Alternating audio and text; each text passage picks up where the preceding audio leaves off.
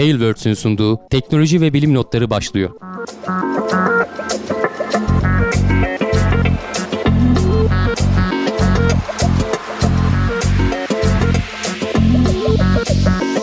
Teknoloji ve bilim notlarına hoş geldiniz. Ben Can Akbulut, yanımda Hamdi Kellecioğlu ile beraber sizlere sesleniyoruz. Ee, gündem bir hayli yoğun. Haberler peş peşe akmadan evvel ben sana sorayım Hamdi abi bir duyurun var mı? Yok bu hafta bir duyurum yok. Olur da e, paylaşmak istersen e, tezelden duyuralım diye biz videonun başında yer veriyoruz ancak ötesinde de sosyal medya hesaplarımız Instagram'da varız, Teknoseyir olarak e, Facebook'ta, Twitter'da varız. Oralardan takip ederseniz de yayından evvel fevkaladelik var mı, yayın aksayacak mı ya sürprizimiz olursa öğrenebilirsiniz. Hı hı. İlk haberimizden ben gireyim. E, bilim adamları Curiosity'den istifade etmek için yeni bir yöntem bulmuşlar. Evet, e, Curiosity... Sütünü mü sağacaklar? etinden sütünden zaten bol bol yararlanıyoruz. 6,5 yıldır falan Mars'ta işte gözlemlerini sürdürüyor. İşte oradaki verileri dünyaya aktarıyor Kardeşi falan. öldü. Toz kapladı üstünü. Evet. E, Ama... Spirit ve Opportunity hatta işte en son Opportunity'de geçen hafta konuşmuştuk.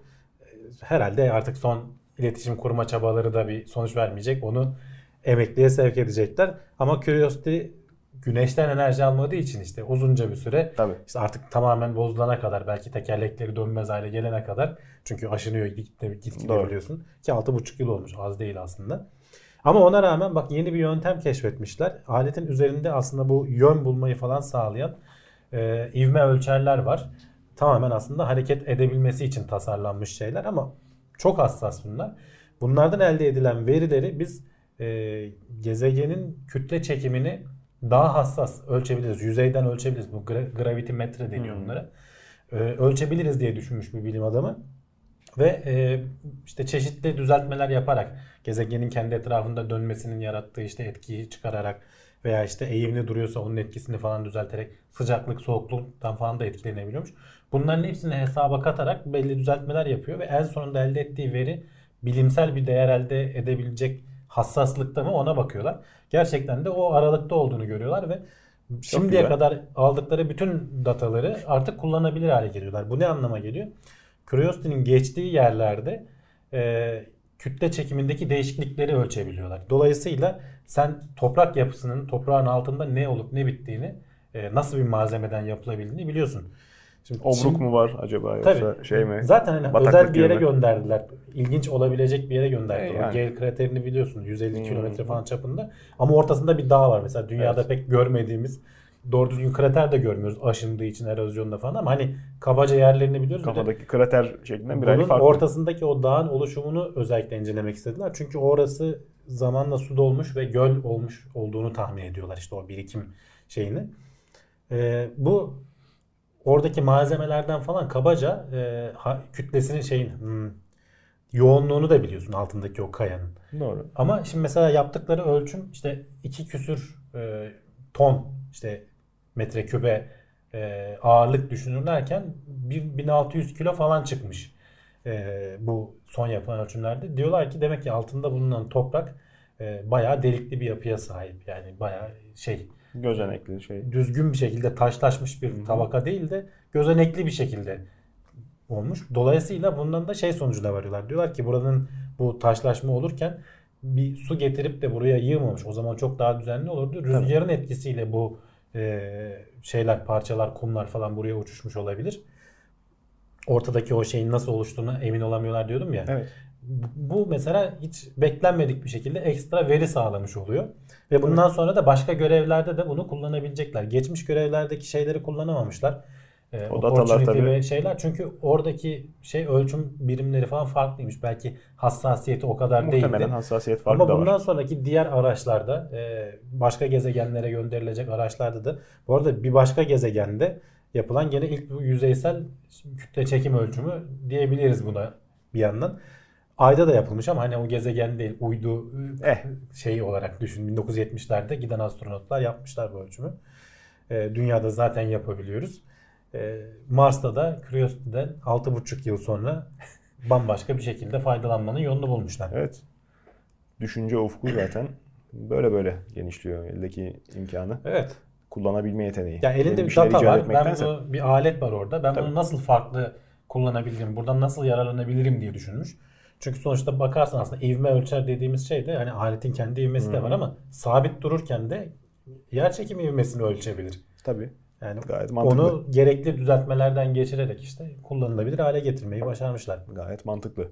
Bir taraftan da istikrarlı bir şekilde data toplamak, e, sebat edip sürekli aynı iş üzerinde çalışmak, e, beklenmedik değişimleri, beklenmedik e, farklılıkları da göz önüne serebiliyor. E, İnsanoğlu bir şeylere ön yargıyla yaklaşıp çok üstünkörü davranmaya, verileri e, yutmaya meyyal. Ayın uzak tarafında yapılan ölçümler bize dönük tarafına göre daha soğuk olduğunu göstermiş mesela. Ee, ayın uzak tarafında kim var? Çin'in Çin var. e, birkaç haftadır konuşuyoruz. Dünyanın uzak Oraya- tarafında kim var? İndi. Orada da Çin var. Orada da Çin var. Bize göre uzak tarafı. Neler oluyor Hamdi abi? Ee, oraya gidip işte uydularla falan ölçümler yapabiliyorduk ama yüzeyden işte inip de oraya araç indirebilen ilk Evet. ülke Çinliler oldu ve işte çeşitli ölçümler geliyor. İşte bu patates deneyleri falan yaptılar. İşte tohum çimlendirebildiler falan. Orada da hatırlarsan şey Deneyden demiştik. ziyade şov hatta. e, ayın e, gecesine denk geldi ve artık soğuktan oradaki şeyler gönderdikleri bitkiler falan öldü demiştik. Ona Doğru. uygun bir muhafaza göndermemişlerdi. Zaten biraz da böyle şov amaçlı bir testti aslında daha çok. E, yüzeyden yapılan ölçümlere göre normalde şimdi atmosfer olmadığı zaman ayın bize bakan tarafında e, gündüz sıcaklık 127 dereceye kadar çıkıyor. Artı 127'ye. Geceleyin de güneş olmadığı zaman eksi 173'lere kadar İdeal çöl işte. iniyor. Evet yani çok ideal çöl ama hani dünya yüzeyinde hiçbir çöl herhalde bu seviyelere ulaşmıyor. Yok. Ee, yani hiç Atakama bildiğim kadarıyla en işte güneş ışını doğrudan ısıtıyor. E, Hiçbir yerlere de şey yapmıyor. Güneşin hani e, ısının radyasyonla yayılması dışında herhangi Artı bir şekilde 50, aktarılmıyor. eksi 20 arasında geziyor diye hatırlıyorum. Evet yani işte şey bizdeki yaparsak. şeyler o atmosferin etkisiyle çok daha güzel oluyor. O su buharı falan bu Tabii. dengeleri sağlıyor aslında. Ama bize uzak tarafında işte geceleyin yapılan ölçümde eksi 190 dereceleri bulmuş.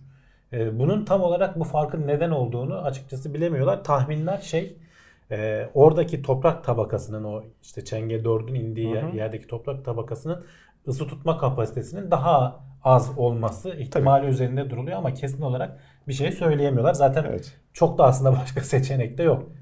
Düşünürsen ne Dediğin gibi olabilir? başka ne olacak? tabii. O da ilginç bir detay.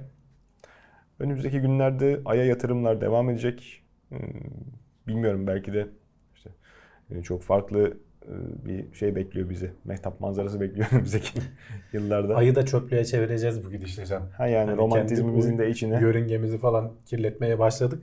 Evet, evet. Oraya da e, yatırımlar sürüyor. Space IL sıradaki haberimizin konusu. Şubat ayı içinde fırlatacak olan araç Ay'a inecek ilk özel müteşebbis aracı olabilirmiş. Hmm, bu ilk özel müteşebbis araç derken hatırlarsan bu Space IL'den daha önce bahsetmiştik. Google'ın Lunar X Prize ödülü Evet, vardı. evet. Ee, bir sürü firma yarışıyordu. En son 5 tanesi kalmıştı galiba. Hı hı. Bu onlardan bir tanesi ama işte hiçbiri o e, son zamana yetiştiremediler Doğru. ve kabul edilmedi. Yarışma- Ama bazıları şey dedi. Feshedilmişti galiba. Ha, yok kazanan olmayınca iptal etti Google. Saçma yarışma mı 30 olur? milyon dolar falan ödül verecekti. Az değil. Evet. Ee, ama işte e, oradaki işte bir sürü araştırmayı yapan işte fonu toplayan firmalar dediler ki biz devam ettireceğiz. En son işte SpaceX'le falan anlaşmışlardı bir tanesi. İsrail'de bir firma bu Space IL. Ee, ve özel hani devlet fonu falan kullanmayacaksın. Zaten bunun püf noktası oydu yarışmanın. Bunlar araçlarını falan hazırladılar. En son şimdi SpaceX'in e, son testlerinden de geçmeyi başarmışlar. Şubat ayı içerisinde fırlatılması bekleniyor. Önümüzdeki hafta galiba açıklanacak veya ondan bir sonraki hafta tam fırlatma tarihi ve aya iniş tarihi açıklanacak. Eğer her şey düzgün giderse çünkü o, o kolay bir iş değil. E, her şey düzgün giderse e, aya inen e, ilk özel araç olacak. Ama hani ülke çapında düşünürsen de Çin'den sonra işte Amerika, Evet. Rusya, Çin'den sonra İsrail dördüncü ülke ola- olacak ayın yüzeyine araç indirebilen. Hadi Ha, bakalım. bunda öyle çok bilimsel ekipmanlar yok. Yüksek çözünürlüklü kamera falan var. Onu soracaktım ne var? E, manyetometre var işte e, ayın manyetik alanını Otonom olduğunu bir kere de altını çizelim. Bu yürüyen bir şey değil. Sadece yüzeye inip birkaç Hı hı. ölçüm alıp zaten uzun süreli de bir şey de değil. E, sonuçları dünyaya geri gönderecek. Çok da bir şey beklemiyorlar ama oraya inebilmek bile büyük başarı. Tabii canım. Bir de şu avantajları var. Ee, özel bir şey olduğu için, girişim olduğu için e, işte bağışlar falan toplayarak işte yaklaşık 160-170 milyon dolara falan bu projeyi çıkarmış olacaklar. Hani aya bir araç indirmek açısından diğerleriyle karşılaştığında çok daha düşük bir bütçe. Zaten biz Doğru. biraz da bunu göstermek istiyoruz diyorlar. E, belki diğer Lunar X Prize'a katılan diğer firmalardan da girişimlerden de ileride şeyler var. Çünkü onlardan da e, uydularda şeyde roketlerde yer ayırtanlar olmuştu. E, henüz başka haber ben görmedim.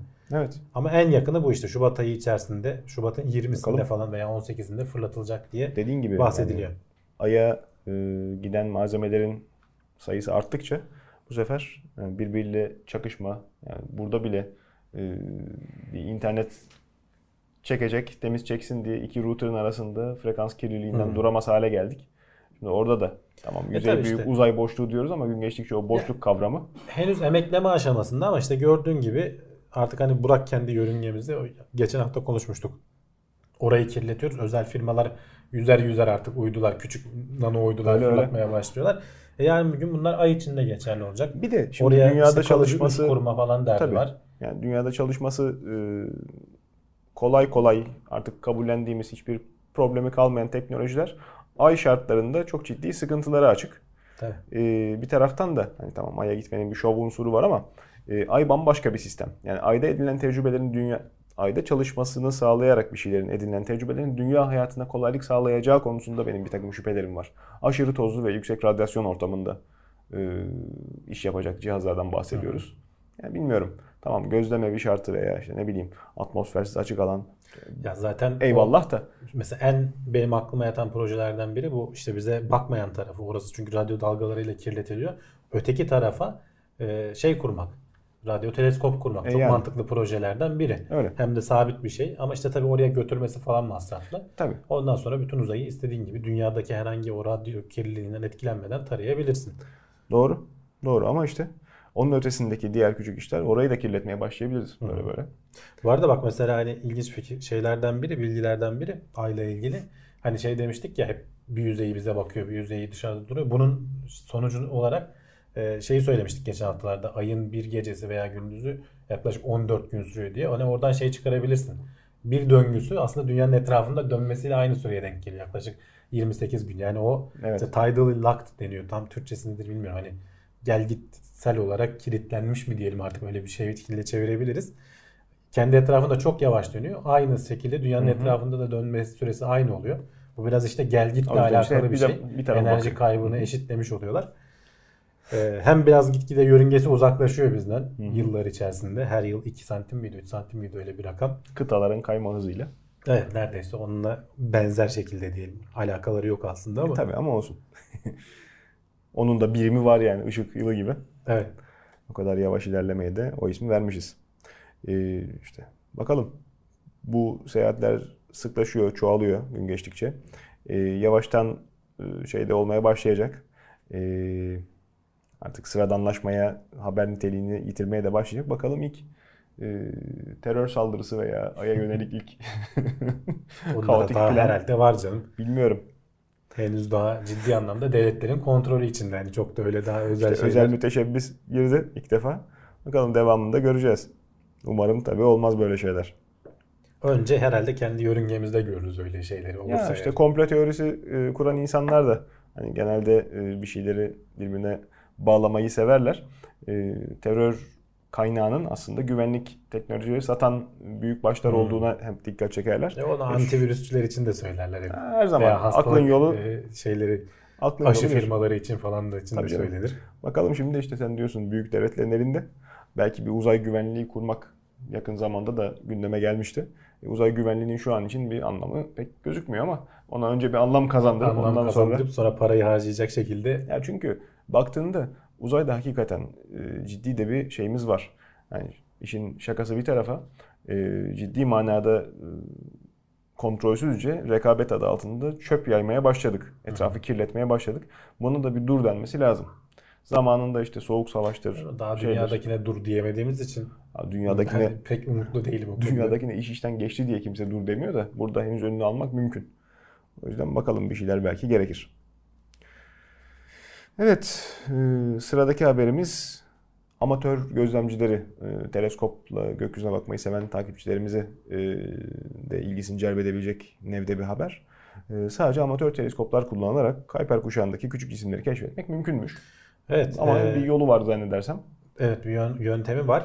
Aslında zaten bu araştırmayı yapıp hani makale yayınlayanlar amatör değiller ama kullandıkları ekipmanlar amatör. Evet. Ve harcadıkları bütçe hani büyük uluslararası projelerin binde üçü falan diyorlar. Yani çok küçük bir bütçeyle hakikaten senin benim para verip işte 10 bin 15 bin gibi bir paraya alabileceğimiz teleskopları kullanarak iki tane kullanmışlar. Ee, Kuiper kuşağı diyoruz işte Plüton'un da ötesinde e, ki kuşakta bir kilometre çapındaki bir gök cismini keşfetmeyi başarmışlar. Ee, bunun için normalde diyor ki işte bu Hawaii'de falan hani büyük teleskoplar var ya 10 metre çap, Tabii, ayna, tabii. ayna çapı olan falan. Kek teleskobu var mesela. Ee, onları kullanmak normalde lazım diyorlar ama biz işte kullandığımız yeni teknikle yaptıkları da doğrudan aleti gözlemlemek değil işte gene biraz dolaylı yoldan etkilerini gözlemlemek. Uzunca bir süre e, 2000 yıl şeyin yıldızın e, 60 saat boyunca gözlemleyerek e, ışıklarındaki azalmayı ölçüyorlar ve bunun işte kabaca geçeceği şey belli. E, rota belli. Ve bunu şey yapıyorlar işte bilgisayar sistemleriyle hani hep konuşuyoruz yapay zekalar falan artık Tabii. bunları çok güzel ortaya çıkarabilir hale geldi. Bir analizden geçirerek e, yaklaşık işte şeyini bulabiliyorlar. Çapını falan bulabiliyorlar.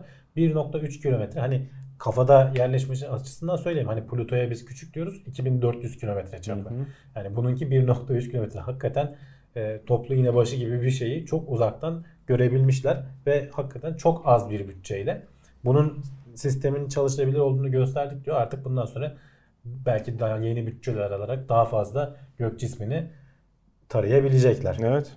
Darısı da bizim araştırmacıların başına. Evet yani bunun en iyi yanı da senin işte şey derdin artık nispeten azalmış oluyor. Hani ekipmanım yok, işte param yok. İşte ya- yapmak isteyince bir şekilde yöntemler bulunup bir şeyler Ama yapılabiliyor. tabii dile kolay. Ee, tabii. araştırmayı yapan insanların bilgi birikimi kolay edinilmiş E, tabii. e, şey değil. E, tutup da hani bugün çocuğun başına vurup sen niye yapmıyorsun senin de teleskopun var diye e, kızan velinin durumuna düşmemek lazım.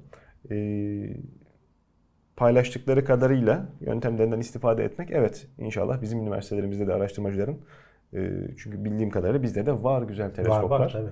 E, istifade ediye, edilmeye Yani açık. ya, yoksa bile sonuçta hani şu bir üniversitenin Tabii. bizdeki üniversitenin kısıtlı fonları bile bunlardan temin edilmesini Ama- sağlayabilir. bürokrasi kafasıyla bir hayli O ayrı. zorlanır. O ayrı mesele tabii. Ben amatör gayret için konuştum. Yoksa devlet işi işin içine girdi mi hiçbir hayli değişir. Evet, yeni yapılan bir ölçüm evrenin genişleme hızı hakkında yeni bulgular ortaya koymuş. Ee, gözlem yaparken bir taraftan da tabii farklı şeyler. Evren bizi sürekli Bak şaşırtmaya az devam ediyor. öncekinde de mesela gözlem yaparken hep dolaylı verilerden yola çıkarak bir sonuca ulaşmışlardı. Doğrudan e, cismi gözlemlemek mümkün değil demiştim o teleskoplarla ama bir şekilde bir şey elde edebiliyorsun, bir sonuca ulaşabiliyorsun. Artık e, o kadar işi uza büyüttük ki e, bilimsel gelişme açısından yıllarca işte üst üste birike birike hakikaten her şeyi çok dolaylı yollardan edinmeye başladık. E, bu evrenin genişlemesi de aslında bayağı işte dolaylı izleri okuya yollardan- okuya neye neyin sebep olduğunu artık çok net ortaya Tabii. koyabiliyoruz. Hayır bir de zaten şey geliştiriyorsun Can. Bir hipotez geliştiriyorsun ortaya. Diyorsun ki şöyle şöyle bir şey gözlemlersen, şöyle bir deney düzenleyi kurarsam şunu gözlemlemeliyim ki işte şu sonuca ulaşayım. Evet. Hakikaten de onu yaptığın zaman o sonuca ulaşıyorsan işte yaptı kurduğun hipotezi desteklemiş olursun. Veya beklediğin sonuca ulaşamayıp başka sonuçlar alıyorsan ona göre bir şeyler yapıyorsun. Mesela bu işte evrenin genişlediği de çok uzun zamandır biliniyor ama mesela genişleme hızının yavaşladığı düşünülüyordu. Son 20 yıl önce falandı galiba işte 2000'lerin başında e, azalmasını bırak veya sabit kalmasını bırak hızlanarak arttığını e, keşfettik ve bunlar da hep dolaylı yollardan. Mesela e, bir kere uzaktayız görebilmemiz lazım. Çok uzaktaki cisimlerin uzaklığını saptamak bile çok dertli bir iş. Hı. Orada da mesela şey gibi çok dolaylı bir yöntem olsa da onu kullanıyorlar. E, belli süpernovalar var. Tür 1A'ydı galiba. Bunların patladıkları zaman çıkarabilecekleri ışık miktarını biliyoruz. Bize gelen ışık miktarını biliyoruz. Aradaki farktan uzaklıklarını tahmin edebiliyoruz. Belli bir hata payı arasında. tabii. Ve oradan gelen ışığın işte dalga boyundaki kaymadan bizden ne kadar hızlı uzaklaştıklarını falan bilebiliyorsun. Ve dolayısıyla işte bunlara bakarak evrenin genişleme hızının artarak hızlandığını e, keşfettiler. Şimdi bunu doğrulayan bir şey daha var. Bu sabit bildiğimiz parlaklıklardan biri de bu kuazar dediğimiz e, Big Bang'den kısa bir süre sonra, kısa bir süre sonra dediğim de hani 1 milyar yıl sonra falan aslında galaksiler oluşmuş falan. Hani şu anki evrenin yaşının 13.8 milyar yıl olduğunu Tabii. tahmin ediyoruz ya. Sana bana kısa Aslında değil ama. bayağı eskiye bakmış oluyoruz hani tarih olarak. Tabii canım. Bu kuazarlar kara delikler aslında etraflarındaki şeyden besleniyorlar.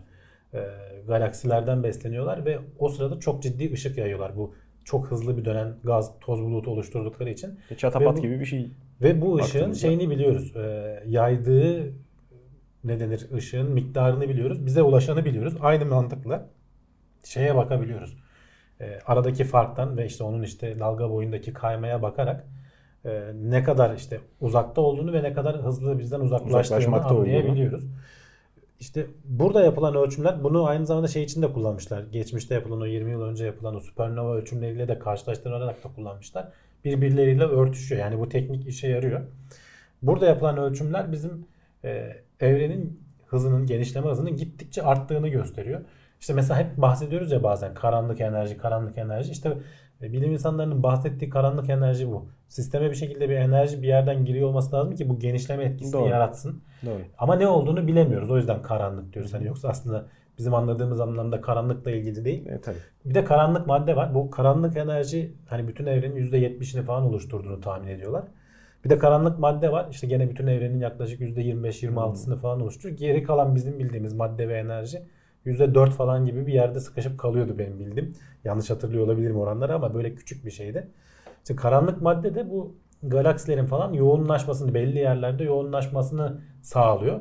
Onun da tam olarak neden oluştuğunu bilemiyoruz. O yüzden Onun karanlık. için karanlık diyoruz. Hani bilinemez madde demek yerine Tabii canım. gözlemleyemediğimiz için karanlık falan demeyi tercih Ya etmişler. da ikisinin artık suyu çıktı. Evet yani sonuçta hani evrenin şu anda çok büyük bir kısmını bilemiyoruz. Ama ölçümlerle, dolaylı ölçümlerle bir şeylerin olduğunu fark ediyoruz. Bunların açıklanabilmesi için e, belki yeni bir fizik yasası, yasa değil de işte yeni bir fizik anlayışı ortaya çıkması lazım Evet. diyorlar. Aynı Mesela formülleri Einstein yeniden bile- okumayı öğrenmek lazım. Ya mesela Einstein bile şeyi kafası bir türlü almamış. Ee, evrenin genişlemekte olduğunu. O, onun kafasındaki tasavvur sabit bir evren modeli. Ama mesela kendi denklemleri tutmayınca şey koyuyor. Einstein sabiti diye ekstra bir şey koyuyor denkleme. Aslında genişlediğini düşünse onu koyması gerekmeyecek diyorlar. Ee, konunun uzmanları. Ama o bile mesela onu bir türlü tasavvur edememiş. Sabit olmalı falan diye düşünmüş. Git- Gitgide genişledi.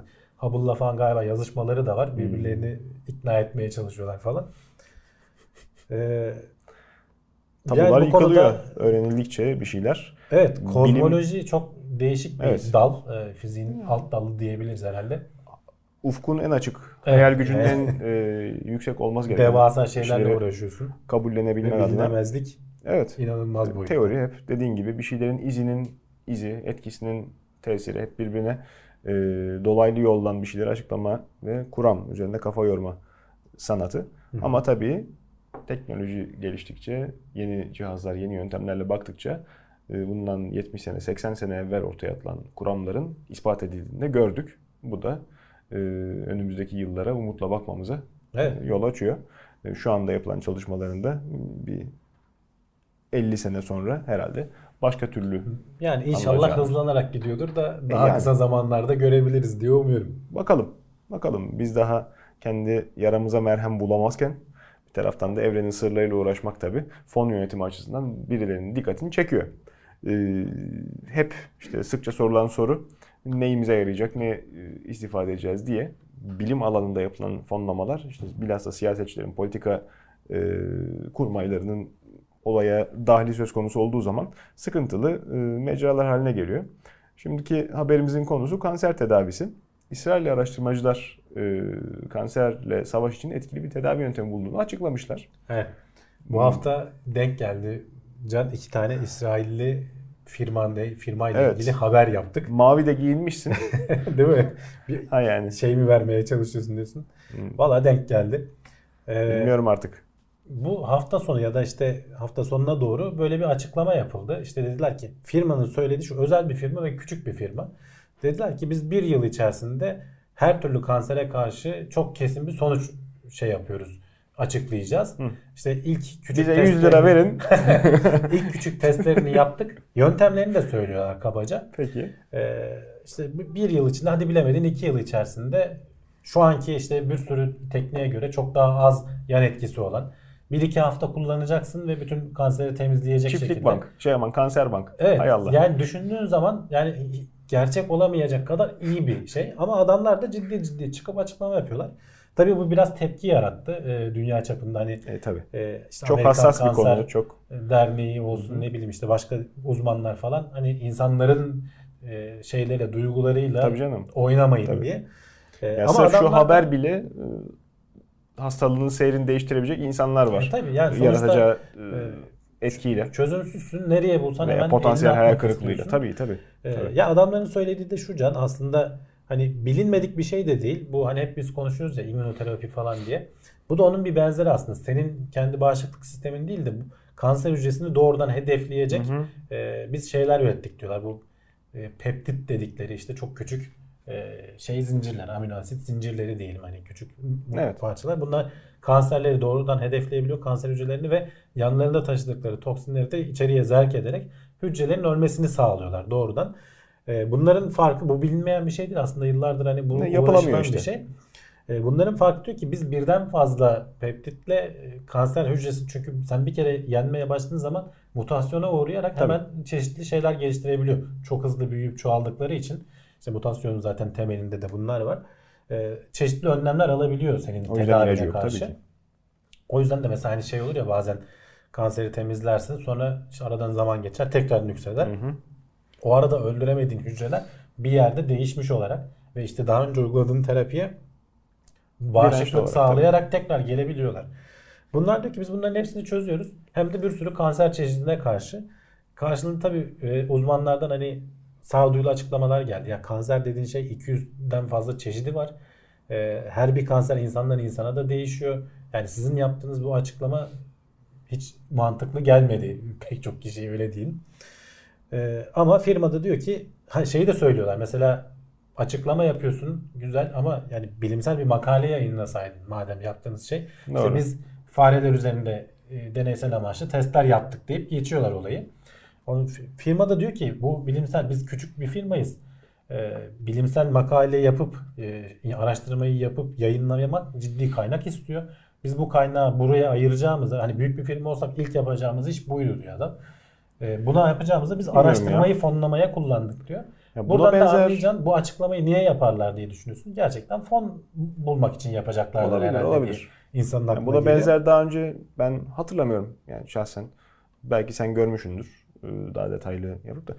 Böyle çıkıp da bir buluşunu deklare eden e, geçmişte pek görmedik. Yani ben de pek Genelde usulüne uygun gider bu tip işler veya dolandırıcılık olur. Buna Yani benzer çok şu şöyle şey bir şey gördük. var Can. Bilmiyorum sen ne Verdikleri zaman aralığı hani öyle uzun değil. 5 yıl, 10 yıl falan dememiş adamlar. 1-2 yıl diyor adam. Hani O bir zaten yıl şaibeli. 2'yi de ben koyuyorum hadi yani. O zaten olsun. şaibeli yapıyor. Bu kadar mucizevi bir şey. Yani bilmiyorum hani firmanın da ismi gerçi şey bak hem İsrail'de hem de hızlandırılmış evrimsel biyoteknoloji limited şirketi diye bir şey yani ismi var. biraz kutudan salatalık çıkacak gibi duruyor bilmiyorum. İşte bilmiyorum ben de gerçekten ama tepki aldığı kesin. Tabii bir sürü şey de var. Kaç Hani para aldın? İnşallah diyenler de var. Kaç para aldın Yahudilerden? Ee, bilim adamlarının çoğu hani buna itiraz edenlerin çoğu da diyor ki keşke doğru olsa. Keşke doğru olsa, tabii ki, ama tabii. bu söylediğiniz bu kadar kolay değil. Ya, üzülüyorum. Anlattığınız yöntemler bilmediğimiz şeyler değil ama o dediğiniz o kadar kolay olmuyor. Bu hayvanlı deneylerle başarılı sağlamakla insanın klinik deneylere geçilmesi falan arasında uçurum var diyorlar.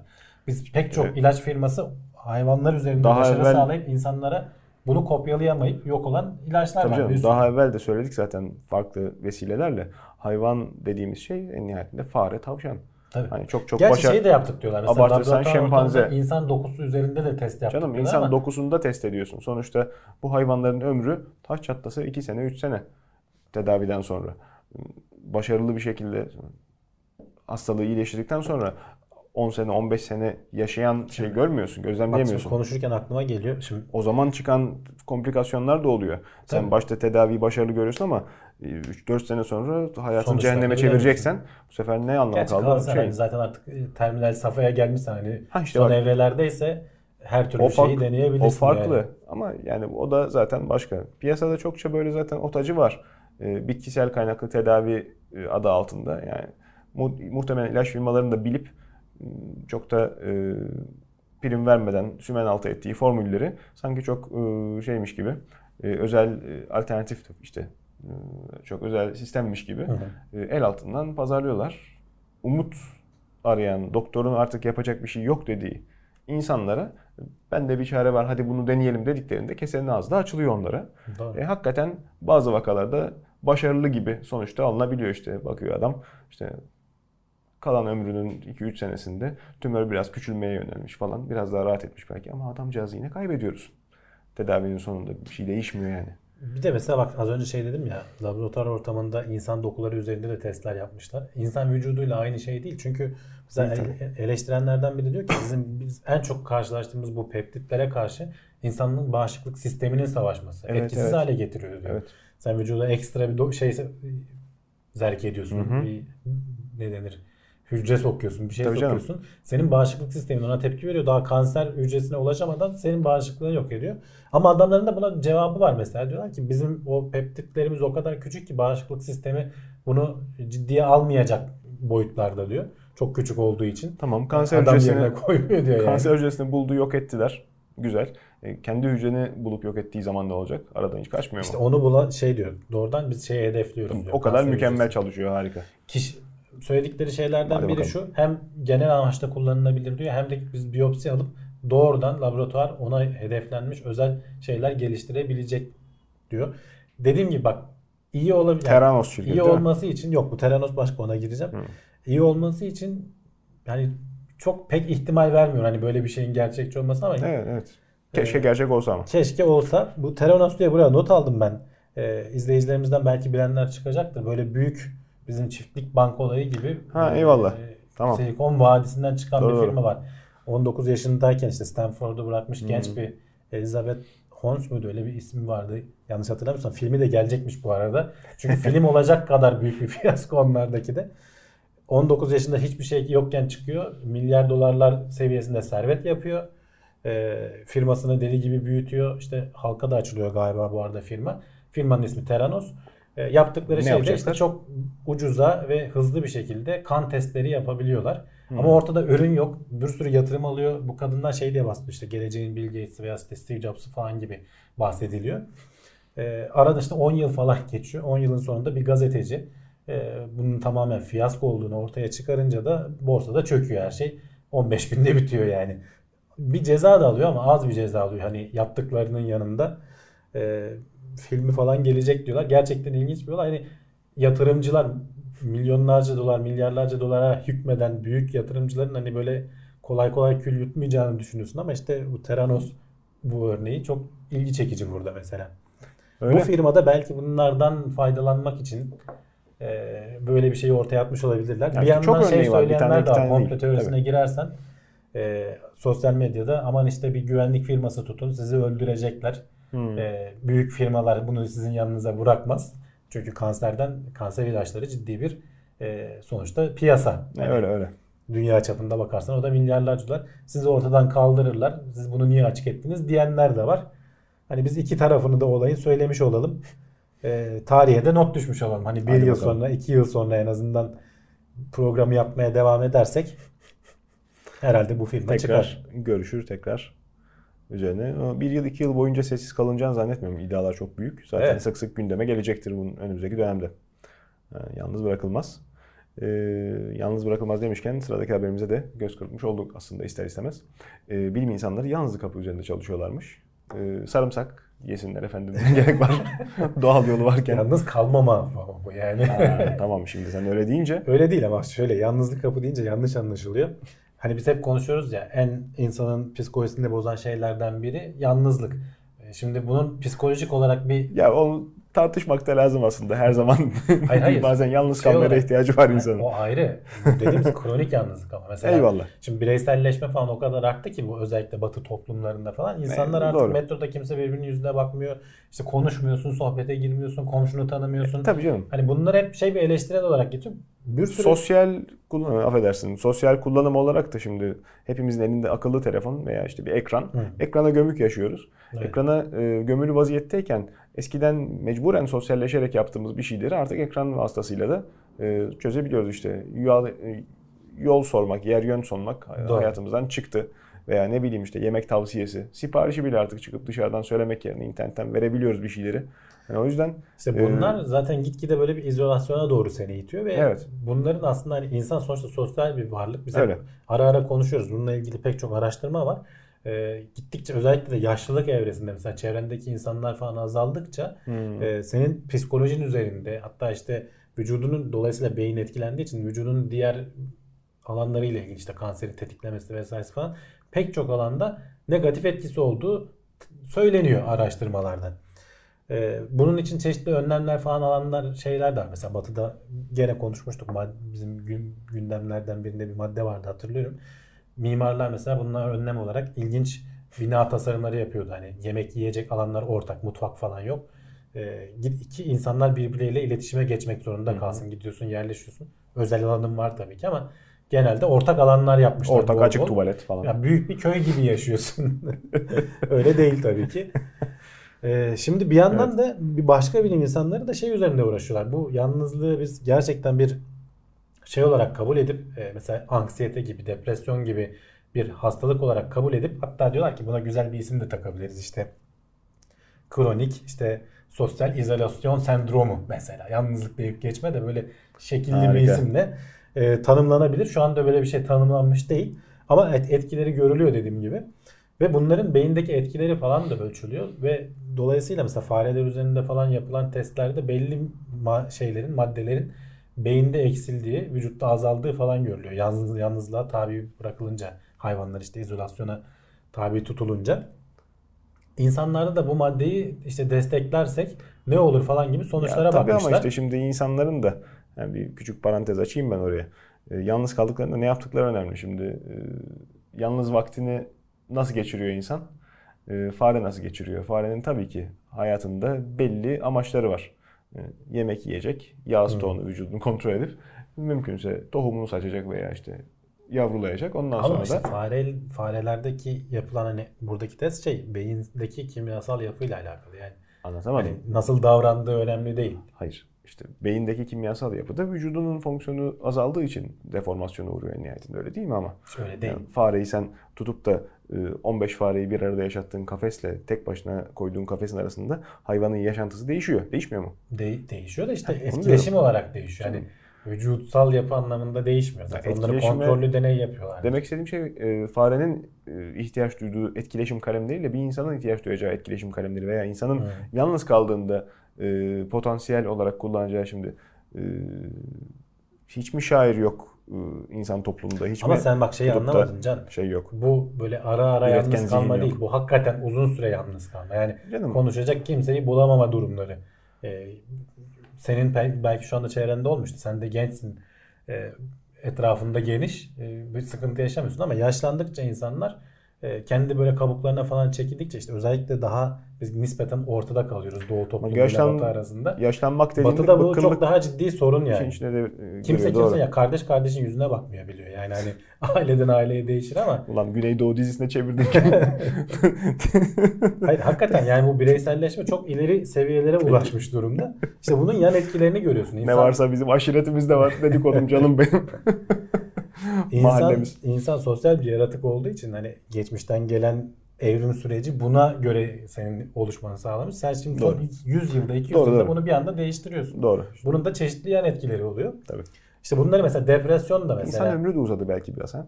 e tabii geçmiş işte yüzyıllara onun nazaran. etkisi var. Yani eskiden bu kadar yalnız kaldığı çağı olmuyormuş galiba insanların. Belki hayır Veya eskiden işte yerleşim İnzivaya çekilmiş Sen- bilge diyorduk. Hayır, eskiden yerleşim öyle değil ki sen zaten köylük bir yerde oturduğunu düşünürsen zaten yan tarafta bir akraban, karşında başka Hmm. bir akraban, öteki tarafta başka biri. Yalnız kalma şansın yok zaten. Yalnız tabii. kalma şansın yok. Evet sen çıkıp da hani evin önünde oturman yetiyor zaten çoluk çocuk herkes bir şekilde Evet, ulaşıyor evet. sana. Ama işte artık bu işte apartmanlar vesaire falan hani eskisi gibi değil. Sonuçta yaşamlar falan da Sen öyle bana değil. haptan bahset neymiş? İşte hap bu etkileri ne, tersine çevirebilecek şekilde araştırmalar devam ediyor. Henüz daha ortada bir şey yok. Ha, bizi sosyalleştirmiyor yani. Hayır seni Etkileri sosyalleştirmiyor. terse Etkilerini azaltıyor. Tabii. Ama dolayısıyla mesela senin bundan dolayı depresyon yaşamanı ihtimalini azaltıyor veya bunun vücuduna zarar verme ihtimallerini azalttığı söyleniyor. İlginç. Henüz daha bunları araştırıyorlar. İlginç, Ee, evet. Belki de işte bir iki birkaç yıl sonra veya 5-10 yıl sonra diyeceğiz ki yalnızlık hapı, işte antidepresan gibi anti sos ne denir ona artık depresyon gibi bir kelime herhalde belki icat edilir o zaman. Valla şey ilginç yani e, hapis cezasını ceza olmaktan çıkarabilir bahsettiğin şey. Ama onlara verirler mi bilmiyorum. Ya da orada o zaman cezanın bir anlamı kaldı. E, yani yani gerçekten ilginç. Stephen Pruitt Time dergisi tarafından internetteki en etkili insanlar arasında listelenmiş. Sıradaki haberimizin konusu da o. Evet, e, aslında haber yeni ama e, şey ilginç herhalde haberi yapan kişi dikkat etmedi. 2017 yılı listesinde en etkili 25 Hmm. insandan biri kabul edilmiş ama konu ilginç olduğu için ben buraya aldım yine de.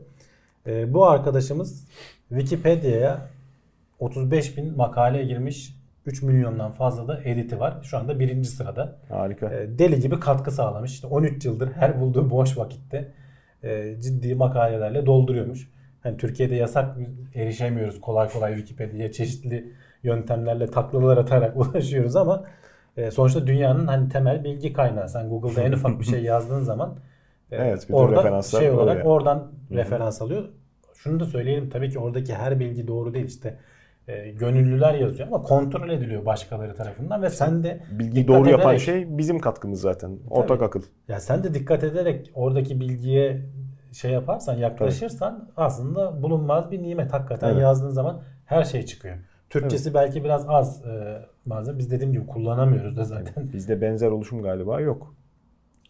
İşte ekşi sözlük belki hani Gözünü onun seveyim. çok daha şey hali diyebiliriz. Onunla yani. mı kıyaslıyorsun? Yani canım adamların Peki de. sloganı kutsal bilgi kaynağı mıydı? Ya, Öyle bir şey. ona bakarsan- Ama başlangıcı öyleydi. Sonradan geyiğe Öbürünün sloganı da iş, aş, haydar, baş yani slogan üzerinden gitmemek Öyle lazım. düşün bak ekşi sözlükte ciddi şey de bulabiliyorsun. Hani tam geyik Tamam. almış başını Bütün internette ama- de ciddi şey bulabiliyorsun Hayır. yani. Ya tek bir siteden bahsediyoruz canım. Canım, Sonuçta eyvallah. aradığın zaman e, gerçekten hani kaynak bir şeyle yani bilgilendirici bir şey de bulabiliyorsun insanların yazdığı. Forum- Zaten çıkış şekli de oydu. Sonradan iş biraz şey oldu. Forum yani. kültürünün olduğu zamandan kalma birazcık. Wikipedia galiba daha yeni. Hatta galiba Yok, değil, Wikipedia bir hayli daha canım. yeni. Şey olarak, format olarak, şek- e, şekil itibariyle, Hı. hani Ya yerleşim itibariyle şey ciddi bir fark var. Ee, Ekşi Sözlük biraz daha forum mantığı. Bir nitelikli bilgi elde edebilmek için kendinin de bir bilgi sahibi olup, bir birikim sahibi olup okuduğun 20 sayfa içerisinden analiz yeteneğiyle bir takım çıkarımlar Tabii, tabii. yaparak Yani buradaki araştırmana yön vermen gerekiyor. şey yani Wikipedia ile tabii ki karşılaştırmaz da ben benzerlik açısından söylüyorum. Yoksa Dam üstünde saksağın vur beline kazmayı ne demektir diye tutup da ekşi sözlükte arayan çocuğun ulaşacağı e, ama onu sonuçlar. da Wikipedia'da bulamıyorsun. Sorun Canım ha, anlatmaya çalıştığım şey tam Evet. manasıyla yerli karşılığı bu yüzden yok. Yani hala matbu şeyler var. Kaldıysa tabii. Ya Kütüphane. öyle yazılar var ki can ben mesela Wikipedia'da şimdi bu işte evrenin genişlemesiyle ilgili haberi okurken oradan da yararlandım. Ya böyle devasa bir makale oku oku bitmiyor. Yazmış adamlar. Herhangi bir konuda tarihçesini anlatıyor, şeyini anlatıyor. Linkleri de var. Hani tıklayıp başka şeylere de bakabilirsin. Bu çok hani hayatı kolaylaştıracak bir şey. Ama dediğim gibi hani oradaki yazan her şeyi doğru olarak kabul etmemek lazım. Hele bilimsel araştırma falan yapıyorsan kaynak olarak Wikipedia'yı falan akademik çevreler kabul etmiyorlar kesinlikle. Yazarsan da hani bayağı Kaynak Wikipedia. ensende kom- boza pişirirler. Gülünç olur tabii. Ama günlük hayatında bir şeyler öğrenmek için hatta onun oyunları falan da var. Rastgele Hmm. gidiyorsun bir yerlerden bir şeyler öğreniyorsun. Bayağı bilgi dolu bir şey. Bu artık Evet. abimiz de işte adam tam anlamıyla bir nerd. Hani 13 yılını bütün boş zamanlarını buraya yazı yazarak geçirmiş ama işte Time'a 25 kişi hani diğer kişiler de hani işte Trump, Kim Kardashian falan işte ne bileyim J.K. Rowling falan var işte. Yani bayağı böyle bilinmiş insanların yanında ismini yazdırmayı Kim başarmış. Kardashian daha çok ilgimi çekti. O Ya nasıl onu da şeyden ediyor etkiliyorlar. hayatımıza? Sosyal medya üzerinden etkiliyor. Yani Evet, bu internetteki etkili kişiler Ondan ya. bahsediliyor diye. Eyvallah. Tabii tabii. Harika. Yani sonuçta bir yazdığı bir şey milyonlarca takipçisini etkiliyor. Bu adamın da Anladım, yazdıkları anladım. milyonlarca kişiyi etkiliyor. Hmm. İlginç olan o. Kelime manası influence aslında. Evet. Şey olarak tam çeviri hatası etkilemekten maksat. Peki. Ee, yani benim temennim bu haberin üzerine umarım e, Türkiye'de de insanlar biraz daha yani bizde site yasak eyvallah ama belki de önümüzdeki dönemde durum değişir. Yöneticiler de vaziyetin idrakine varırlar. Ee, biraz daha bilinçli hani e, internette vaktini trollüğe harcayan veya belli insanların çıkarına hizmet etmek için sürekli klavye başında ter döken kitle var. E, yıllardır var. E, bunlar keşke otursalar da biraz daha güzel yönlendirip bu iş gücü olarak araştırmaların sonuçlarını internete nakledebilseler veya ne bileyim e, benzer işte bize özgü biraz daha Çok iyimsersin. karşılığı bulunmayan. Ya iyimser temennim bu benim keşke. Hani belediyeler bünyesinde e, bildiğim kadarıyla birimler var. Hiç olmazsa bunlar atıl duracağına atıyorum işte e, Sancaktepe Belediyesi'nin e, sosyal medya sorumlusu yani günde 35 tane güncelleme yapmıyor olsa gerek. Kalan vaktinin bir kısmını böyle Yani yerlere bizde, bi- bizde vakfedebilir daha, belki. Hani internetin yaygınlığı da o kadar insanların hayatına dokunan hale gelmedi. zannediyoruz. Ee, yani- Aslında geldi. Yok ya öyle olsa işte dediğin gibi belediyeciler, siyasetçiler falan bu işlere daha fazla kafa yormaya Canım, başlarlar. Girdi farkında değiliz. Adını koymadığın için şimdi öyle değilmiş gibi geliyor. Yoksa bakma kampanyalar şeyler yani internet üzerinden yürütülen Hayır yapılıyor ben yapılmıyor demiyorum. Mutlaka var ama işte çok tesirli. o kadar demek ki orada bir kaynak görmüyorlar ki hiç buraya dönüp herhangi bir şey söylenmiyor. Evet. Bu bir yandan da işte hakikaten Belki- bu kadar büyük bir kaynağa Türkiye'den erişemiyor olmak Belki bir jenerasyonun değişmesine bakar ha. Bugün hala daha çünkü televizyonla büyümüş yani. Radyo ve te- radyodan televizyona işte- geçmiş devlet büyüklerinin Ama bak gazeteler, ettiği- televizyonlar can çekişiyor artık. Yani hani Tabii. e, daha bir ay olmadı dizileri yasakladılar biliyorsun. Hani şey yapmadılar. Yasakladılar demeyeyim de durdurdular. Evet, evet. E, Ocak ayının sonunda falan başladı. Reklam alamadıkları için. Tabii. Hani her sene olan bir şeydi aslında bu ama bu sene ekstra uzun oldu. Biraz ekonominin falan sıkıntısının etkisi var. Hani gazeteler ufak ufak kapanıyor. Bu Bakış- sadece bize özgü de değil. Dünya çapında da bu böyle canım. bir trend var. Tabii. Yani bakış değişecek.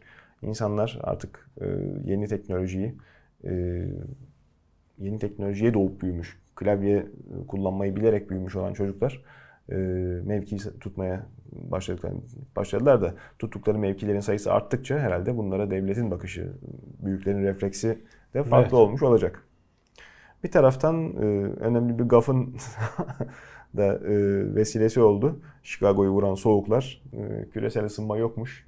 Bu da onun göstergesiymiş. İşte burnumuzdan buz sarkıyor Yani diyerekten. Chicago geçtiğimiz günlerde hakikaten dondu can. Hani Hissedilen sıcaklık eksi 50 dereceyi yani yeri santigrat. şöyle hani Fahrenheit değil bu. aklında olmayanlar için söyleyeyim, Amerika'nın kuzey kısmı işte. Hani Evet, kutuplara yakın nispeten. olan kısmı. Kuzey doğu kısmı. Kutuplara yakın değil be. Arada Kanada'da var. Var, Michigan var da Gölü'nün işte yanı. Amerika'nın yakın kısmı canım. Ha, Hani eyvallah. Dibi demedim ben hani. Sinop'un da bir Türkiye'nin kutba yakın Ama kısmı işte- demeye benziyor. Orada bazen hava akımları öyle oluyor ki işte o kutuplarda olacak soğuk kütle aşağılara kadar inebiliyor. Evet. İşte arada bir yaşanıyor böyle şeyler. Yaşandığında da ciddi etkileri oluyor. İşte eksi 40 derecelere kadar falan iniyor hava Halk sıcaklıkları. sürekli alışkın olmadığı için yani Kanada için sıradan günler bunlar ama e, halk alışkın olmadığı için ciddi e, şok. halkın alışkın olmadığı şeylerden biri de işte böyle hızlı hava soğumalarının bir anda olması yeraltı suyun şeyinde sularının da donmasına ve yerin hareket etmesine bildiğin deprem oluşuyor aslında. Ve bu orada yaşayan halkı hakikaten korkutmuş çünkü böyle patlamalar işte çeşitli böyle kütür kütür ses gelmeleri evinde düşünsene oturuyorsun akşamleyin. O tabii canım. Diyorlar ki işte yetkililer uyarıyor dışarı çıkmayın işte hava çok soğuk bilmem ne falan. İşte işiniz yoksa kesinlikle dışarıda durmayın falan. Bir yandan da böyle bir ses geliyor. Bir şey oluyor. Evin ikiye ayrılıyor gibi. Hmm. Ee, sebebi de buymuş işte. Buna Türkçe yani belki buz depremi diye çevirebiliriz. İngilizcesi frostquake diye geçiyor. Ee, Evet. Yerin altındaki su Türkçe'ye donuyor. çevirememişiz. Ee, Evet. Su donuyor ve bu suyun işte ani donmasından dolayı işte sonuçta hani su biliyorsun genleşen bir şey dondukça, soğudukça diğer sıvıların Hmm. aksine e, etrafına baskı yapıyor. Tam anlamıyla deprem gibi aslında. O bir yerden sonra dayanamaz hale gelince bir anlık hareketler oluşuyor. Ve o esnada büyük bir gürültü hatta bazen bu e, basınçtan dolayı piezoelektrik deniyor. Elektriklenmeden dolayı ışık saçılmaları, patlamaları falan da oluyormuş. Bunu gördüğünü iddia edenler de var. Ee, Vay canına. Geçtiğimiz işte günlerde böyle şeyler yaşandı. Evet. Pek bizim çok tabii şey yapıldı. E, deney yapıldı işte havaya sıcak su atmalar, dondurmalar falan. o tabii. Yani Onun- İki sene önce mi, üç sene önce mi Rusya'da başlattılar onu. Ha işte Sibirya'da Kaynar zaten suda. yapılıyor. Eksi 50 Tabii. dereceye in- iniyor hava zaten. İnternette alışıklar. milyar tane video oldu zaten. Şimdi bak oralarda zaten donuk olduğu için yeraltı suyu falan normalde hani yazlarda, yaz Tabii. aylarında bile hani belki sıfırın üstüne çıkmıyor hava sıcaklıkları orada. Hmm. Adamlarda böyle bir işte buz depremi etkisi olmuyor. İşte Chicago'da ara ara olunca bu etki çok hissedilir bu olmuş. değişim çok sıkıntı çünkü bu iklimde böyle ben- benzer iklimde yaşayabilmek için Bu kadar soğukta çok ciddi tedbirler almak gerekiyor. Bir kere kaş kola sarılmadan özel e, nefesini filtreleyecek bir şey olmadan Tabii, dışarı tabii. çıkıp da şöyle bir derin nefes alayım dedin. Ciğeri dondurup çıkıyor. Ciğeri dondurup kalıyorsun. Çok çok ciddi riskleri var. Hani onu geçtik. Hani günlük hayata katılmak da çok büyük problem. Ee, kutup dairesi çevresinde Avrupa memleketlerinde de bildiğim kadarıyla Kanada e, payına düşen, Rusya'da da var. Kanada payına düşen yerlerde de umuma açık prizler var. Arabalarda da o prizin e,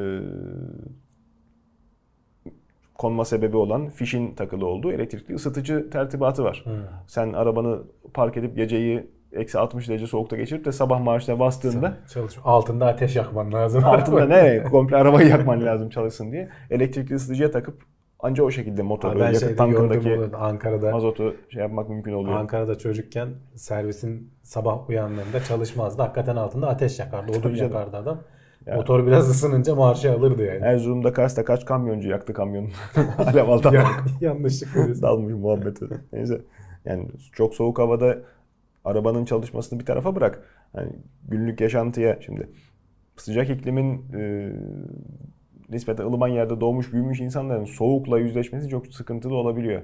Ben de e, az yaşadım ama hakikaten nahoş tecrübelerden bir tanesi de e, ev içerisinde tuvaletin kullanımı. E, klozetteki su donarsa çok kötü oluyormuş. Değil mi? İnsan bunu yaşayınca öğreniyor. Evet. Elinde kaynattığın suyla geliyorsun geri. Bunlar önemli sıkıntılar. İşte gidip geldiği için tedbir alınamıyor. Halk eğitimsiz, bilinçsiz. Ee, Ama zaten hani bir tehdit. hafta falan sürüyor. Dişini sıkıp idare ediyorsun. Canım, Sonra Bir zaman oluyor. İstanbul'da patır patır SUV satıldı. Herkes gitti arazi arabası aldı. Niye? 2004'te mi 2005'te miydi? Yoğun kış oldu. 2 sene üst üste o kadar. O dönemde millet deli gibi sedan almadı, normal araba almadı. kış görmüyoruz Ha, neredeyse. kış değil mi? görmüyoruz ama alışkanlık oldu. Hakikaten bu ekonomiye de tesir etti. Arazi aracı satışına. Happy Top'u baktığın zaman 45 gün kalmadı yerde kar. O kar yağışı etki etti. Ama bakıyorsun doğuda adam hala da e, birçok yerin yolu kapalı. Bizim kendi memleketimiz içerisinde. Çok doğuya gitme. Orta Anadolu'da bile hani sabahları buz keserek uyanıyor insanlar. Tabii tabii. Ama onlar o kadar yadırgamıyorlar bu durumu. İşte Chicago'da da aynı İstanbul'a İstanbul beyaz gelinliği giydi haberi hep e, Vanlı'nın sinirini bozar ya. Ona benzer bir durum Ama yaşanmış sonuçta oldu. orada da aynı şeye baktığın zaman Türkiye'nin yani neredeyse beşte biri bu- burada yaşıyor. Yani. Canım öyle. O da öyle. Bütün haber merkezleri burada biraz da orada biraz tutar tarafı var yani. gazetecilerin de burada olmasının tesiri haberi yapan adamlara E tabii, deyince orası kesin. Biraz da onun esprisi var. Evet. Bir taraftan da işte yine faydacı bakış, e, bir şeylere sadece ihtiyacımız düştüğü zaman ilgilenip işimiz bittiği zaman unuttuğumuz gerçeğini e, sıradaki haberimizde görüyoruz. Acaba spor yapmayı bırakınca kaslarımız erir mi diye insanlar kara kara düşünüyorlarmış. E, Kara kara düşünmüyorlar. Gözlemliyorlar. yavaştan- Zaten spor yapmayı bıraktığın zaman normal olarak hani niye ekstra bir dokuyu vücut beslemeye uğraşsın? Tabii. Yavaştan Çünkü geçmişte şimdi hani şeyler başlar. açlıkla mücadele ettiği için Doğru. gerekmeyen organ hemen sönümleniyor. Kullanmadığın kas da hemen Hmm. geri eritiliyor vücutta bir süre sonra tabii hemen değil. Şimdi Zaten havalar- oluşması da hemen olmuyor. Tabii. Isınmaya başladıkça yavaş yavaş işte Ama şimdi mesela gittikçe şoklaşan diyetler, işte mucizevi formüller falan. Ama buradaki girecek. haberdeki ilginç nokta şu. e, tamamen yok olmuyor Can. Çünkü oradaki e, E, tabii. kası oluşturduğun zaman e, biraz biraz yırtılarak, bölünerek çoğalan bir dokudan bahsediyoruz. Yeni yeni çekirdeği olan hücreler oluşuyor. Sen ve kas hücresi büyük bir hücre aslında. E, bu sönümlense bile çekirdeği yaşamaya devam ediyormuş. Yeni yapılan araştırmalar bunu Tabii. gösteriyor. Zaten kas hafızası diye bir şey vardır ama onu biz yanlış biliyoruz. İki tane kas hafızası var. Bir sinirsel olan Hareket yapmayı yapa öğren- öğrendiğin ve artık otomatik yaptın. Hı hı. Bir de işte şimdi anlattığım kas hafızası. Hücre oluşuyor, sonradan küçülüyor ama çekirdeği yok olmuyor. Tekrar ihtiyaç duyduğun zaman çok daha hızlı bir şekilde kendini büyütebiliyor.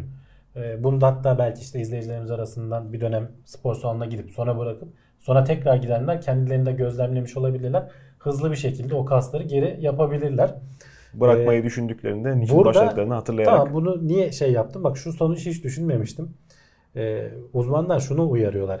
Şimdi normalde bu steroidlerin falan kullanımı yasak biliyorsun spor yapıyorsan sen. Ama sen bu steroidi kullanıp kaslarını basıp çünkü o bir anda senin kaslanmana neden oluyor. Tabii. Sonra bunu bırakıp e, normal spora yaptığın zaman e, o hücreleri bir kere oluşturduğun için e, o kasları tekrar oluşturmak normalden sıfırdan başlayan bir insana göre avantajlı oluyormuş. E kullanmadığın için de doping testlerinde falan ortaya çıkmıyor. Evet. Böyle bir cinliği varmış olayın. Ve tespit edilmesi de dediğim gibi mümkün değil. E, fareler üzerinde falan yapılan testler hani bunun da kanıtlanmış. Muhtemelen insanlar da aynıdır zaten. Steroidi kullanıp kasları geliştirdikten sonra bırakıyorsun. Evet küçülüyorsun. Ama tekrar çalışmaya başladığın zaman hiç yapmamış bir adama göre avantajlı oluyorsun. İşte bu da sana sporda falan Ama tabii sağlıyor. vücudunun geri kalanına verdiği zarar şimdi. Orada tabii o ayrı. Bak ona hiç girmiyorum. Zaten tabii. steroid falan zaten ama- tabii ki yani. yani Yani, yani hiçbir şey olmasa bile aldığın gıda takviyesi. Ya gıda takviyesini de boş ver. Gıda takviyesini normal gıda al zaten. Basit bir ilaç ya. Vücuda verdiği zarar ciddi. Kurtulabilmek için litrelerce fazladan su içmeyi tavsiye ediyor Ya doktorlar. o Ee, ciddi yüklerden bahsediyor işte. Şimdi o bir çeşit ne bileyim hani takıntı mı diyeyim o vücudu geliştirme, aşırı geliştirme hevesi. Ya yok bir disiplindir en nihayetinde. Sonuçta e, Hayır ben aşırısından bahsediyorum canım. Yani Ha, disiplin eyvallah. ayrı. Sen yap normal sporunu. Zaten sağlığa faydası da var. Ya Ama canım kendi kafasına oturan kızlar da var şimdi jimnastik şimdi. o da bir takıntı en nihayetinde. Vücudu esnetmek de tamam bir yere kadar iyidir de yoga diye. Ee, tabii insan kafaya taktığı zaman bir şeyleri yapıyor. Daha da iyi olsun, daha iyi olsun diye uğraşıyor. Herhalde işte sonuçlarını görmenin en eğlenceli olduğu alanlardan biri de vücut olsa gerek. Kendi vücudu üzerinde çalışan insanlar işte sosyal medyada paylaşma imkanı da olduğu için Hı. kendi selfiesini gösterebiliyorsun diyorsun. Tabii tabii. Eskiden işte en toplum içinde çıplak mı gezecektin Tarzan gibi. Yani Ve şimdi- geziyorlardı zaten. ama şimdi baktığın zaman en e, ciddi yatırım yapmış, hayatını spor salonundan dışarı çıkmamacasına e, şeye azmetmiş, e, disiplinle e, kendini geliştirmeye azmetmiş insanlara bakıyorsun. E, takım elbisenin içinde biraz iri normal bir adam. Esprisi yok, farkı yok. Sürekli plajda mı yaşayacak bu adam? Bir yolu yoktu. Birazcık da işte Sosyal medya imdada yetişti Ha, orada. Paylaşmanın e, kolaylaşması, etrafa kolay kolay işte e, profil fotoğrafı veya selfie 100 bin tane çekebilmenin avantajıyla insanlar e, daha da herhalde e, rağbet eder oldular spora. İyi, iyi bir şey düzgün yapıldığı zaman ama işin içine rekabet girer de işte sidik yarışına dönerse o zaman çok ciddi sıkıntı. Dediğin gibi hileler yapmak veya kendine kalıcı hasar vermek bu sefer e, spor yapacağım diye Evet. eklemini kıkırdan dağıtıp 50 yaşında iki büklüm kalmak da işin e, ayrı sıkıntısı. Onlara dikkat etmek lazım. Dikkat edildiği müddetçe tabii ki işleyen demir ışıldar. Bir taraftan da etrafımıza dikkat etmek lazım. Ee, insanoğlunun dünyadaki yaşantısı billuriyeye girmiş fil gibi. Etrafımızı hiç farkına varmadan darmaduman ediveriyoruz. Balinalar, yunuslar, hayvanat e, kıyıya vuruyor. E, ilgimizi çekiyordu. Niye zaman vuruyor bu zaman hayvanlar? haberlerde karşılaşıyoruz değil mi? Arılar da kayboluyor. Niye kayboluyor? Niye Onun kayboluyor? henüz açıklaması tam yapılmadı ama balinaların kıyıya vurmasının sebebi sanırım e, lüzumsuz, bilinçsiz sonar kullanımıymış. Evet aktif sonar. Hani pasif olan da sadece dinliyorsun. Aktif olan da sen de bir ses dalgası gönderiyorsun. Onu geri dinliyorsun. E bu ses dalgası eğer işte belli frekanslarda olursa işte orta seviye sonarlarda kullanılıyormuş bu. E, 4.5 ile 6 kHz arasında e, ki şeyler balinalara ciddi onların duyabileceği şey oluyor herhalde. Ciddi Tabii. e, etkisi oluyormuş ve bunlardan dolayı bilim adamların bunların kıyıya vurduğunu düşünüyorlar. Burada bu sonuca da şöyle ulaşıyorlar. Yani Kafam neden şi- olduğunu Kafam şişti diye isyan edip mi hayvan vuruyor. Yani ya daha doğrusu bunun, yitiriyor. bunun neden olduğunu biliyorlardı. Hani sonarın bu kıyıya vurmaları arttırdığını biliyorlardı ama E, tabii. sebebini anlayamıyorlardı. Şu, kıyıya vuran hayvanlara da baktıkları zaman e, şey herhangi bir hani beslenme yetersizlikleri vesaire falan yok ama mesela e, damarlarında pıhtı oluşmuş e, nitrojen kabarcıkları falan Hmm. oluşmuş. Yani vurgun yemiş hayvanlar. E, bunları ölçebiliyorlar ve bu, buradan şu sonuca varmışlar. Şimdi çok derinlere dalabiliyor hayvanlar ve buna göre vücutları şey yapmış. Derine daldığın zaman kalp atışlarının falan çok ciddi miktarlarda yavaşlaması lazım. Bazen dakikada 1'e Çünkü 2'ye su da 3'e soğuyor. indiği oluyor. Evet. Az evvel söyledik ya e, genleşen, genleşme ritmi farklı bir e, Hı hı. kimyasal su. Hatta bildiğim kadarıyla da özgün. Benzer başka şey ya bir tane iki tane var kimyasal. E, maksimum yoğunluğunu 4 santigratta. O yüzden bütün okyanusların dibi 4 santigrat. Hı. Üzerine de çıkıldığında altına da Zaten indiğinde konveksiyon oluşmaya o yüzden başlıyor. tabii Evet. buzlar yüzeyde duruyor veya işte sıcak sular biraz daha altında. 4 santigrat e, dip hayvanları o yüzden inanılmaz yavaş metabolizmalı. Hem öyle hem de şey bu e, işte vurgun yememek için Doğru. belli bir miktarda yavaşlanması gerekiyormuş. Sen bu sonar sesinde bir anda vurduğun zaman hayvan şeye geliyor, panikliyor bir anda ve kalp atış hızı aniden adrenalinin etkisiyle Tabii. e, artıyormuş ve bu da vurgun yemesine neden oluyormuş. Ciddi ağrılar hani vurgun Hmm. filmlerde dizilerde görmüşsündür işte kendini kaybetme sonuçlarına falan kadar felç geçirmeye kadar Tabii. varabiliyor. Dolayısıyla yönünü falan kaybedip kıyılara vuruyor kendini hayvan. Ee, bunun kullanımının yasaklandığı yerlerde hani sık görülen ya işte Kanarya Adaları'nın çevresinde sık görülüyormuş. Yasaklandıktan sonra hakikaten olay hiç görünmez hale var, hale gelmiş. Ee, dolayısıyla hani buna önlem almak isteyen eğer hani başka bir yöntemin varsa bu sonarı kullanmak Hı hı. yerine başka şeyi kullanabiliyorsan mümkünse onları tercih etmekte yarar var. E tabii şimdi de madalyonun öbür tarafında sonları da insanlar keyiflerinden kullanmıyorlar. Tabii işte denizaltına Transatlantik'e falan karnından gelecek ondan sonra balıkçı. ya Ee, göreceğiz o asıl günümüzü. askeri amaç yani denizaltıları falan keşfetmek için daha çok kullanılıyor. Uzun yolda rota e, hiç olmadığı kadar artık e, hem dünyada e, kalabalık. Biz kendi ülkemizde Boğaz trafiğinde işte İstanbul bu kadar e, trafik sorunu çekiyor. Niye daha fazla deniz ulaşımına ağırlık verilmiyor veya bu kadar yoğun bir şehirde niye 11'de e, vapur seferleri bitiyor diye soranlar olmuştur. E, ticari gemiler geçsin diye inanılmaz bir yoğunluk. Dikkat edip de Boğaz'a bakanlar varsa gece vızır vızır e, Boğaz şey durmaz, gemi geçişi durmaz. Ki o gemilerde bayağı bekliyorlar yani sıralarında. Geçebilmek için. Tabii tabii. tabii. E, uzun şeylerde böyle uzun güzergahlar özellikle sıkıştığı alanlarda gemi trafiğinin e, çok ciddi. Ha, o yüzden işte dediğin gibi e, işin içine e, şeyde giriyor, iş güzellikte giriyor ama e, ötesinde yer yön bulma adına sonar sistemine çok ciddi bel bağlamış vaziyette. Çevreye zarar verdiği de bilinmesine rağmen göz yumuluyordu. İşte belki farklı frekanslar falan şey yapılabilir. Hani her frekansın şeyi farklıdır tabii ki mesela. İşin Mesafesi, menzili vesairesi ticari işletme değişiyordur. olduğu için sen bir gemiyi kaç para bağlayacaksın yatırımcı olarak? Gemi mi gemicik mi artık işte neyse. Aldıktan sonra şu kadar Yani. senede kendini amorti edecek diyorsan e, tutup da şimdi yeni yönetmelik getirdik. e, bu kadar lirada sonar yatırımı yap yeni çıktı dendiğinde insanlar burun kıvırıyorlar. O yüzden teknoloji çok gelişmesine rağmen bu kadar gecikmeli.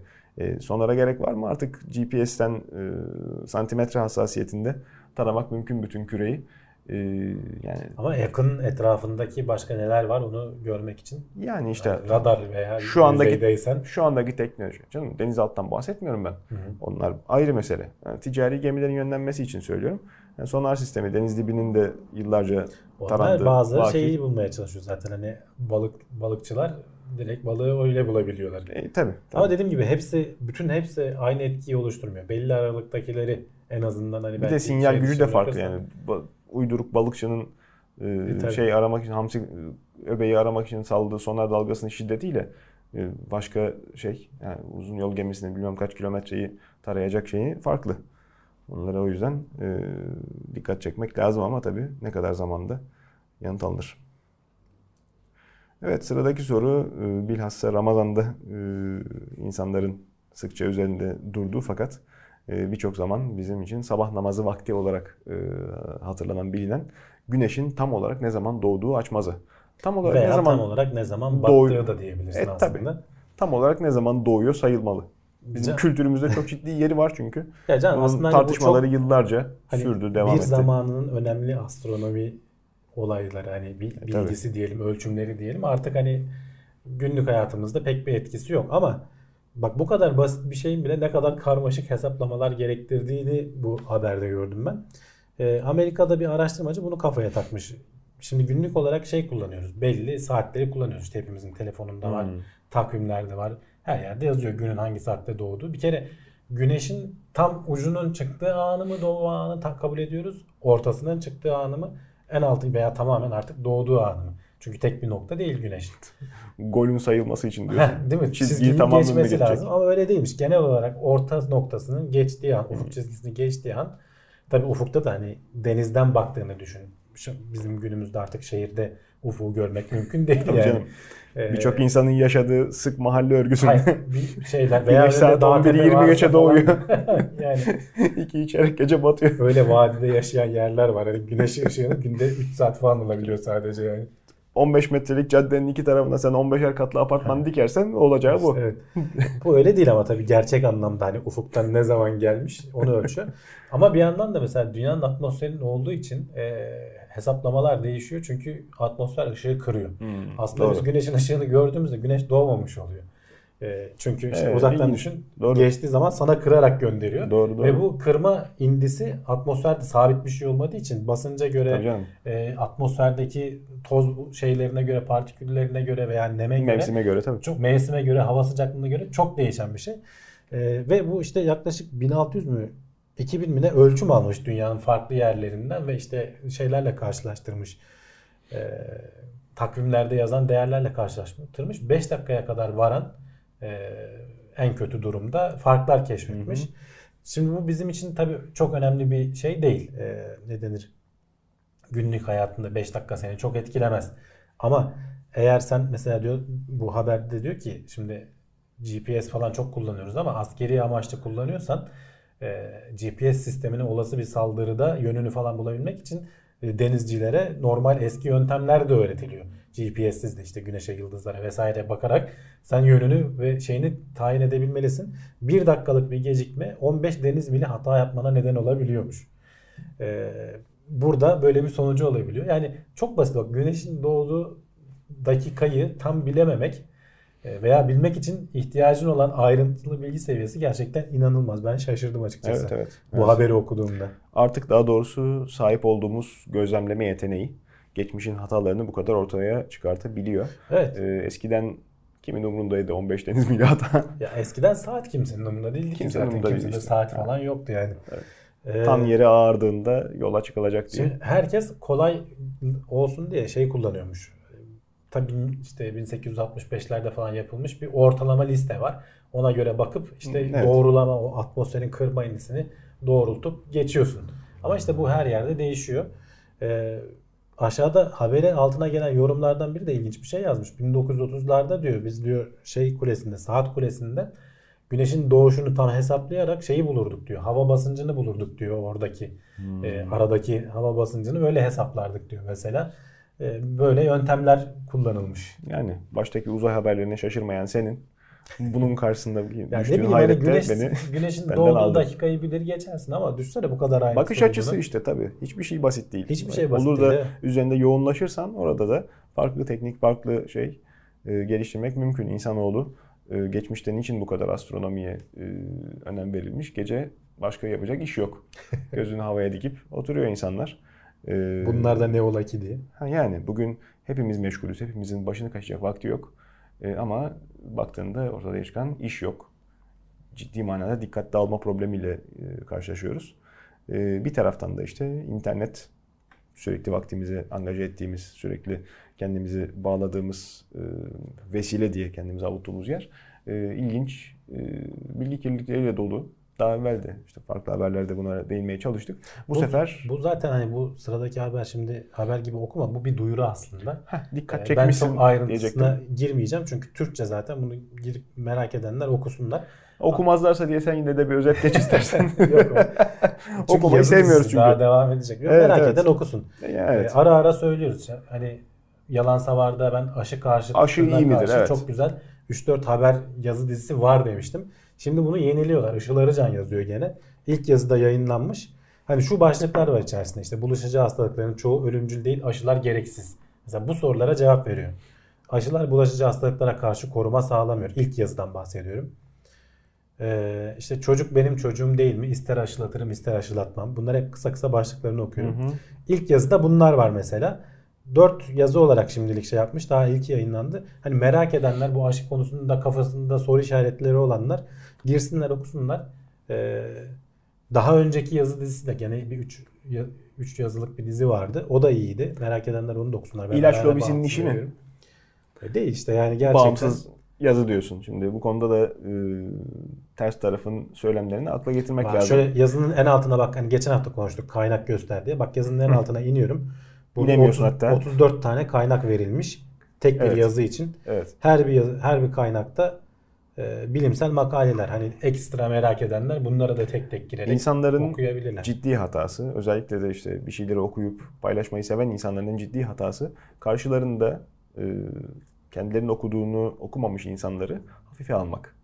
E, bir şeyi söylerken karşımdaki nasıl olsa aptal ben o aptalı anlatıyorum gibi enaniyet göstererek sen anlatırsan karşındaki adamın kullandığı argümanları görmezden gelip faka basıyorsun. Senin söylediğini adam ciddiye almadığı için zaten bu sabı şey yapıyor, destekliyor. Dünya düz diyor, inat ediyor, diretiyor. Kuru inat değil, kendince doğruları var, kendince gördüğü e, kaynaklar var senin. Onlara yaklaşman, onların ne olduğunu görmen lazım. Burnunu kırıp onlara da bakabilmen lazım ki adamla ortak paydaya oturabilirsin. Aksi Can, takdirde şeye bakıyorsun bak ben hakikaten tarafsız bunlar- yaklaşmaya çalışıyorum yani. o, o yüzden özellikle soruyorum. Yani bu e, ilaç lobisinin işi mi? Yok yani bu- Aşılanmanın şeyi nedir? Yani insanlar Ya niye işte illa ona ona okuyup kendin karar verebilirsin. kadar. Çünkü yazı Eyvallah. dilinden anlarsın zaten. Eyvallah. Bir de dediğim gibi kaynaklardan da girip bakabilirsin. Hı hı. Ee, işte yan etkileri zaten bak hepsi var. Aşıların hakkındaki komplo teoriler, o sonraki yazıların konularını okuyorum şimdi. Aşıların yan etkileri ve ilgili iddialar. Aşıların içindeki maddelerin hazırlanma süreci ve güvenliği. Yani bunlar hep ayrı ayrı çok Hı hı. önemli başlıklar ve hep sorulan şeyler. Bence doyurucu bir yazı dizisi olacaktır. İlk yazıdan öyle hissettim. Bilhassa işte çocuğunu aşılatma konusunda mütereddit kalmış ebeveyn e, takipçimiz varsa buyursunlar, e, bir nazar etsinler.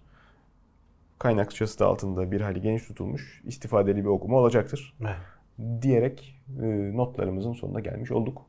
E, var mı eklemek istediğim bir şey? Ben başta duyuru sormuştum ama belki Yok işte en konuşurken son konuşurken aklına gelmiştir. yapmış olalım. Yok. Pekala.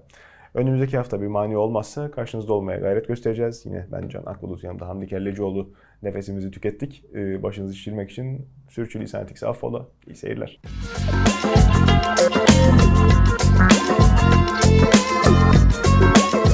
Tailwords teknoloji ve bilim notlarını sundu.